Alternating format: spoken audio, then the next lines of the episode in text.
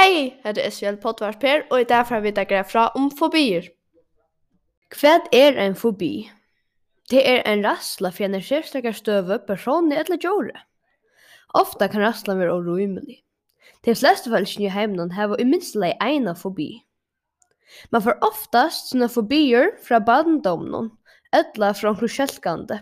Til dømmes om, om man var om å drukna, fikk man kanskje talassofobi ræstla fyri sjónum. Ofta ta dei ávirka og møta tøy sum dei er bengi fyrir fyri hjarta benka, beinir lystast, dei fer at svætta ella detta dei um.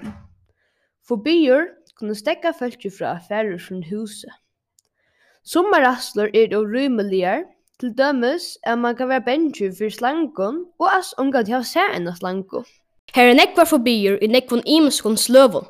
De mest vanlige fobierna er arachnofobia, rassla för eidekoppen, akrofobia, rassla av hatten, pyrofobia, rassla av elde, og agarofobia, rassla av sosialum støvun. Sedan ek folk er avvirska av hesson fobion, og det kunne brøyta luive, men ter vera verre. Somnifobia, rassla fra sona, og sybofobia, rassla fra eta, kunne heilt oi letja luiv. Og arbeid som folkene, ikkje vi he som slæg av fobion, og ikkje røyna sleppa avitui, kunne koma komma til skia men kjøtt blir det bare at være løkner. Santofobia, rastla for gula litenom, og dextrofobia, en rastla for ödfolk og alla loter som er litt høyre. Folk kunne eisne være bengi for tog som vanlig tidsist er godt, til dømes kromodofobia, rastla for pengon, og kjerofobia, rastla for å være glæver. Her er eisne fobier som gjør gjelde vi folkene, vi tar imot fobiene. Fobien som lyser til folk er bengi for lengon åren, hever 23 bøkstavar. Vi spurte søgjane nekra næmingar i skolan om de høtte nekra fobi. Hva er du bensjen for det, og hva er du bensjen for det?